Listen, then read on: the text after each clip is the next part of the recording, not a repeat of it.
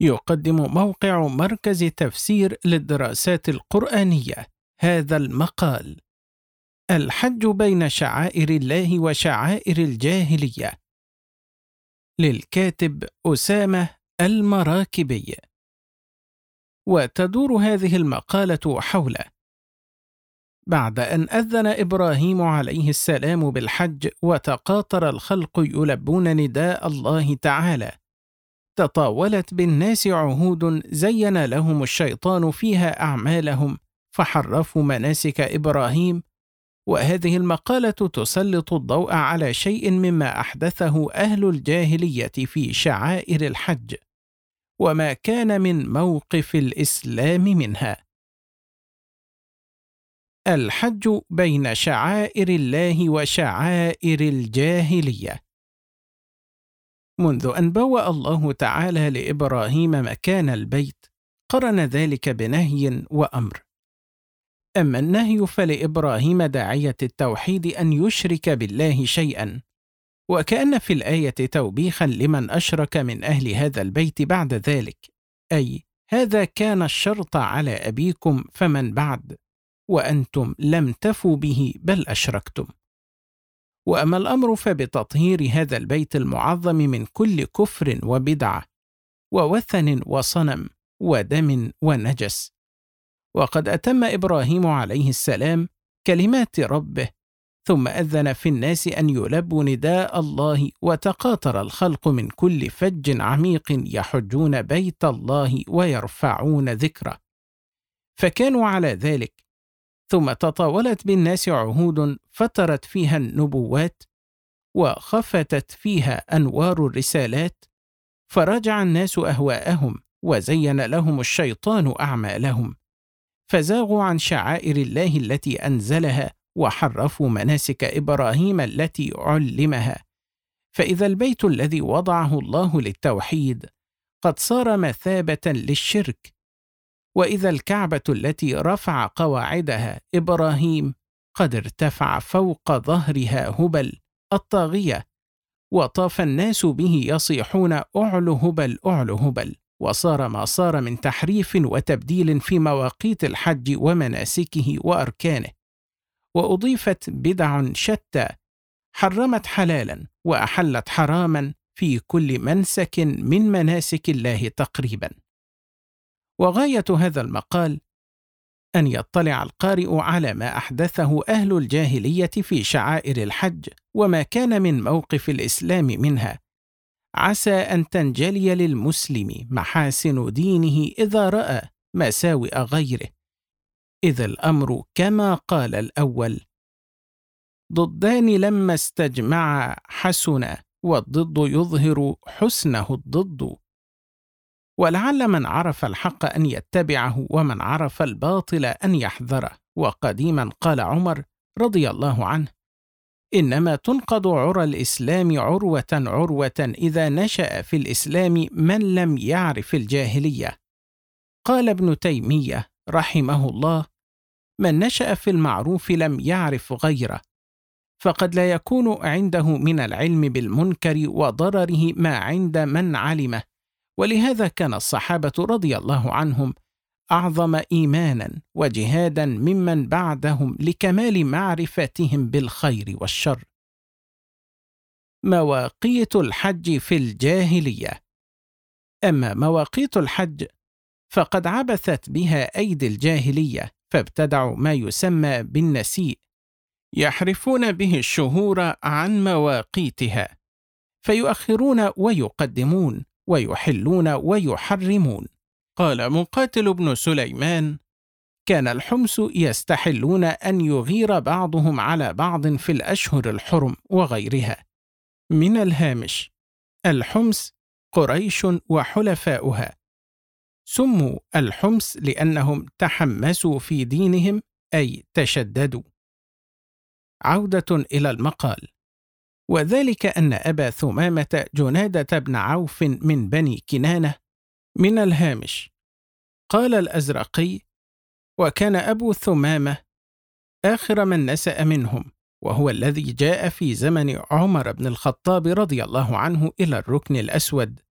فلما رأى الناس يزدحمون عليه قال أيها الناس أنا له جار فأخروا عنه فخفقه عمر بالدرة ثم قال أيها الجلف الجافي قد أذهب الله عزك بالإسلام. عودة إلى المقال. كان يقوم كل سنة في سوق عكاظ فيقول ألا إني قد أحللت المحرم وحرمت صفرا وأحللت كذا وحرمت كذا ما شاء. وكانت العرب تأخذ به حتى قال قائلهم يفخر بذلك. ألسنا الناسئين على معد شهور الحل نجعلها حراما؟ وقال الآخر نسأوا الشهور بها وكانوا أهلها من قبلكم والعز لم يتحول. فأنزل الله تعالى إنما النسيء زيادة في الكفر يضل به الذين كفروا يحلونه عاما ويحرمونه عاما. ليواطئوا عدة ما حرم الله فيحلوا ما حرم الله. وأنزل عز وجل يا أيها الذين آمنوا لا تحلوا شعائر الله ولا الشهر الحرام ولا الهدي ولا القلائد. يقول لا تستحلوا القتل في الشهر الحرام. ولا يخفى ما يسببه ذلك النسيء من خلل في أسماء الشهور وترتيبها حتى صاروا يدورون بالحج على الشهور كلها ويقولون إن أخطأنا موضعه في عام أصبناه في غيره. قال مجاهد كانوا يحجون في ذي الحجة عامين وفي المحرم عامين ثم حجوا في صفر عامين وكانوا يحجون في كل سنة في كل شهر عامين. وكما أضاعوا شهر الحج أضاعوا يومه حتى كان بعضهم يقول الحج اليوم ويقول بعضهم الحج غدا. وأضاعوا معالم نسكه فكانوا يقفون مواقف مختلفة يتجادلون. كلهم يدعي أن موقفه موقف إبراهيم عليه السلام. كان بعضهم يقف بعرفة وبعضهم بالمزدلفة. وكان يحج بعضهم في ذي القعدة وبعضهم في ذي الحجة. وإذا اجتمعوا بمنى قال هؤلاء حجنا أتم من حجكم وقال هؤلاء حجنا أتم من حجكم. فكانوا على ذلك حتى بعث الله نبيه صلى الله عليه وسلم فحج بالناس من السنة العاشرة فوقف بعرفة فقال أيها الناس إن الزمان قد استدار كهيئته يوم خلق الله السماوات والأرض فلا شهر ينسى.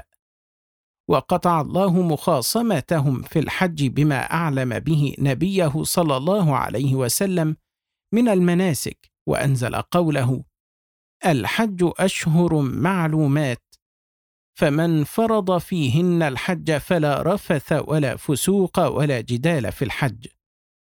قد بطل الجدال في الحج واستقام أمره على وقت واحد ومناسك متفقة لا تنازع فيها. ولا مراء. الإحرام في الجاهلية. كان في الجاهلية من أراد الحج من غير أهل الحرم يقلد نفسه من الشعر والوبر فيأمن به إلى مكة. وإن كان من أهل الحرم قلد نفسه وبعيره من لحاء شجر الحرم فيأمن به حيث يذهب. فهذا في غير الأشهر الحرم. فإذا كان الأشهر الحرم لم يقلدوا أنفسهم ولا أباعرهم وهم يأمنون حيثما ذهبوا. فذلك قوله تعالى لا تحلوا شعائر الله ولا الشهر الحرام ولا الهدي ولا القلائد. قال مجاهد القلائد اللحاء في رقاب الناس والبهائم أمن لهم. وأما إحرامهم في الجاهلية فقد كانوا يحرمون على أنفسهم إذا أحرموا أمورا كثيرة لا ندري لها سببا.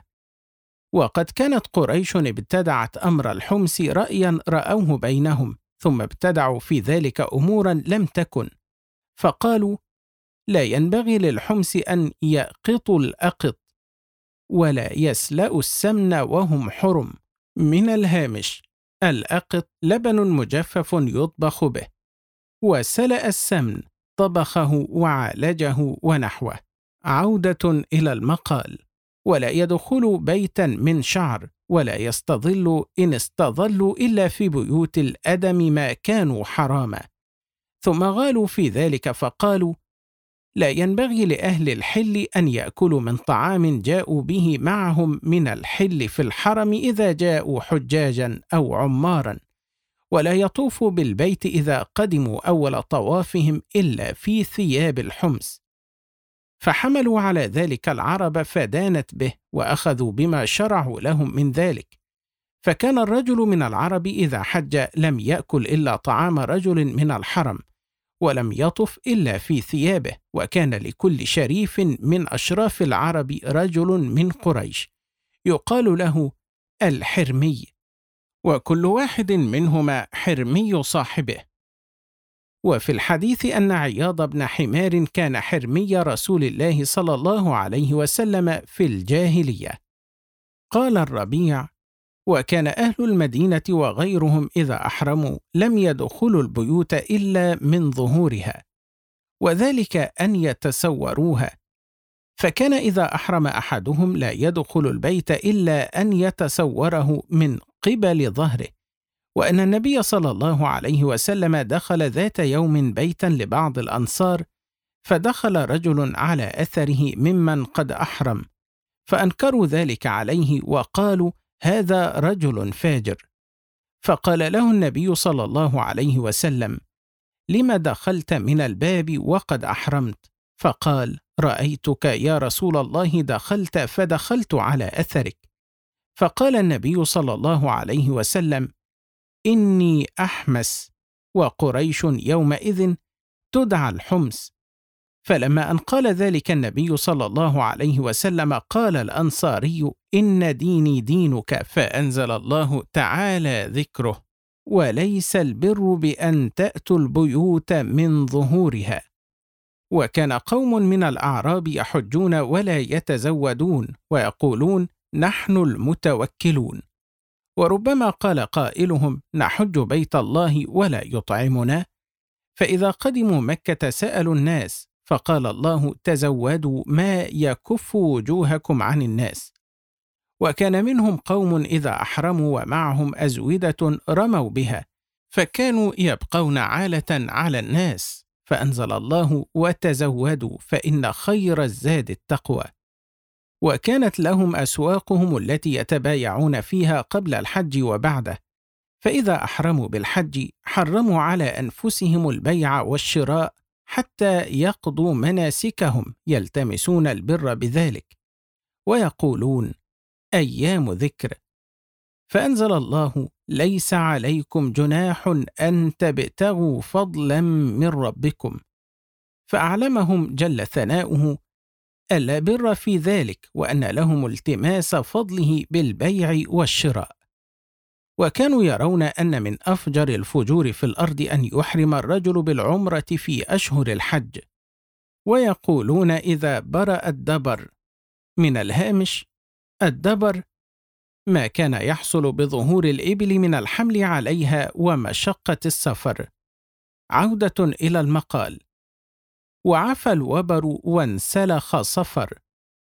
من الهامش قال النووي وكانوا يسمون المحرم صفرا ويحلونه وينسئون المحرم أي يؤخرون تحريمه إلى ما بعد صفر لئلا يتوالى عليهم ثلاثة أشهر محرمة تضيق عليهم أمورهم من الغارة وغيرها.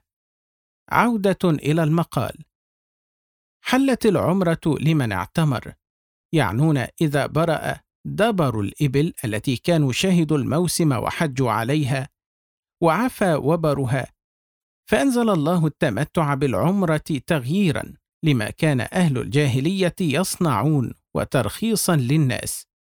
فقال جل وعز فمن تمتع بالعمرة إلى الحج فما استيسر من الهدي. قال ابن عباس من أحرم بالعمرة في أشهر الحج فما استيسر من الهدي. وقال رسول الله صلى الله عليه وسلم: دخلت العمرة في الحج إلى يوم القيامة.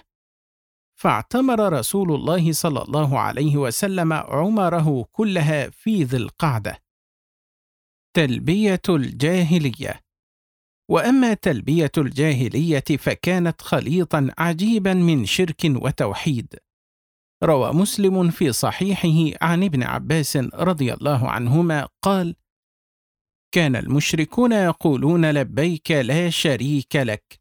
قال فيقول رسول الله صلى الله عليه وسلم ويلكم قد قد أي حسبكم لا تزيدوا فيقولون إلا شريكا هو لك تملكه وما ملك يقولون هذا وهم يطوفون بالبيت. وربما كان لكل قبيلة تلبية خاصة يذكرون فيها آلهتهم مع الله. فكانت تلبية الثقيف لبيك اللهم لبيك هذه ثقيف قد أتوك وخلفوا أوثانهم وعظموك. عزاهم ولات في يديك دانت لك الأصنام تعظيما إليك قد أذعنت بسلمها إليك فاغفر لها فطالما غفرت. وكانت عك قبيلة من اليمن. إذا بلغوا مكة يبعثون غلامين مملوكين أسودين عريانين يسيران أمامهم على جمل فلا يزيدان على أن يقول نحن غراب عك. وإذا نادى الغلامان بذلك صاح من خلفهما من عك عك إليك عانية عبادك اليمانية كيما نحج الثانية على الشداد الناجية. وفي ذلك أنزل الله. فاجتنبوا الرجس من الأوثان واجتنبوا قول الزور حنفاء لله غير مشركين به. قال أبو بكر الصديق رضي الله عنه كان الناس يحجون وهم مشركون فكانوا يسمونهم حنفاء الحجاج فنزلت حنفاء لله غير مشركين به. قال ابن عباس حجاجا لله غير مشركين به وذلك أن الجاهلية كانوا يحجون مشركين. وكان منهم من يحج مصمتا لا يتكلم حتى يفرغ من حجه. يرى ذلك قربة لله تعالى فنهى رسول الله صلى الله عليه وسلم عن ذلك وقال لا صمات يوم إلى الليل قال الأزرقي فلم تزل تلك تلبيتهم حتى جاء الله بالإسلام ولبى رسول الله صلى الله عليه وسلم تلبية إبراهيم الصحيحة. لبيك اللهم لبيك لبيك لا شريك لك لبيك إن الحمد والنعمة لك والملك لا شريك لك. فلباها المسلمون. وأنزل الله وأتموا الحج والعمرة لله قال مقاتل كان أهل الجاهلية يشركون في أحرامهم فأمر الله عز وجل النبي صلى الله عليه وسلم والمسلمين أن يتموهما لله. وتتابعت آيات القرآن تدعو الناس إلى أن يطهروا بيوت الله من هذا الشرك الذي يلوث شعائر الله المقدسة. فنزل قوله تعالى وأن المساجد لله فلا تدعوا مع الله أحدا. فلما أبى بقية من هؤلاء إلا الشرك أقصاهم الله عن حرمه المطهر وأنزل في العام التاسع من الهجرة. إنما المشركون نجس فلا يقربوا المسجد الحرام بعد عامهم هذا. وقال ما كان للمشركين أن يعمروا مساجد الله؟ وقال إنما يعمر مساجد الله من آمن بالله واليوم الآخر. فنفى المشركين من المسجد الحرام. عرفة في الجاهلية. عن عبد الله بن أبي نجيح قال كانت قريش تقول نحن بنو إبراهيم وأهل الحرم وولاة البيت. فلا تعظموا شيئا من الحل كما تعظمون الحرم. فإنكم إن فعلتم ذلك استخفت العرب بحرمكم وقالوا قد عظموا من الحل مثل ما عظموا من الحرم فتركوا الوقوف على عرفة والإفاضة منها وهم يعرفون ويقرون أنها من المشاعر والحج ودين إبراهيم ويقرون لسائر العرب أن يقفوا عليها وأن يفيضوا منها إلا أنهم قالوا نحن الحمس أهل الحرم فليس ينبغي لنا أن نخرج من الحرم ولا نعظم غيره. وقيل كانوا لا يخرجون من الحرم خشية أن يقتلوا. وكان النبي صلى الله عليه وسلم لا يقف مع قريش والحمس في طرف الحرم وكان يقف مع الناس بعرفة. قال جبير بن مطعم أضللت بعيرا يوم عرفة فخرجت أقصه وأتبعه بعرفة. إذ أبصرت محمدا بعرفة فقلت هذا من الحمس ما يوقفه ها هنا. فعجبت له فكانوا على ذلك حتى أنزل الله عز وجل فيهم يأمرهم بالوقوف بعرفات ثم أفيضوا من حيث أفاض الناس وكانوا يفيضون من عرفات قبل غروب الشمس ويفيضون من جمع مزدلفة إذا طلعت الشمس. فخالف النبي صلى الله عليه وسلم في الإفاضة. الإفاضة. وكانوا يفيضون من عرفات قبل غروب الشمس ويفيضون من جمع إذا طلعت الشمس. فخالف النبي صلى الله عليه وسلم ذلك كله. عن المسور بن مخرمة قال خطبنا رسول الله صلى الله عليه وسلم وهو بعرفات فقال ألا وإن أهل الشرك والأوثان كانوا يدفعون في هذا اليوم قبل أن تغيب الشمس. إذا كانت الشمس في رؤوس الجبال كأنها عمائم الرجال في وجوهها. وإنا ندفع بعد أن تغيب الشمس. وكانوا يدفعون من المشعر الحرام بعد أن تطلع الشمس إذا كانت الشمس في رؤوس الجبال كأنها عمائم الرجال في وجوهها. وأنا ندفع قبل أن تطلع الشمس مخالفا هدينا هدي أهل الشرك. دماء على الكعبة. وكانت العرب ملوكها وعامتها يهدون الذبائح إلى البيت الحرام ويذبحونها على الأنصاب وهي حجارة لا صورة لها. تنصب للعبادة والطواف ثلاثمائة وستون حجرا. منهم من يقول ثلاثمائة منها لخزاعة. قال ابن جريج فكانوا إذا ذبحوا نضحوا الدم على ما أقبل من البيت وشرحوا اللحم وجعلوه على الحجارة. فلما جاء الله بالإسلام قال المسلمون يا رسول الله كان أهل الجاهلية يعظمون البيت بالدم فنحن أحق أن نعظمه. فكأن النبي صلى الله عليه وسلم لم يكره ذلك. فأنزل الله لن ينال الله لحومها ولا دماؤها. وكانوا لا يأكلون من ذبائح نسائكهم. فأنزل الله فكلوا منها وأطعموا البائس الفقير.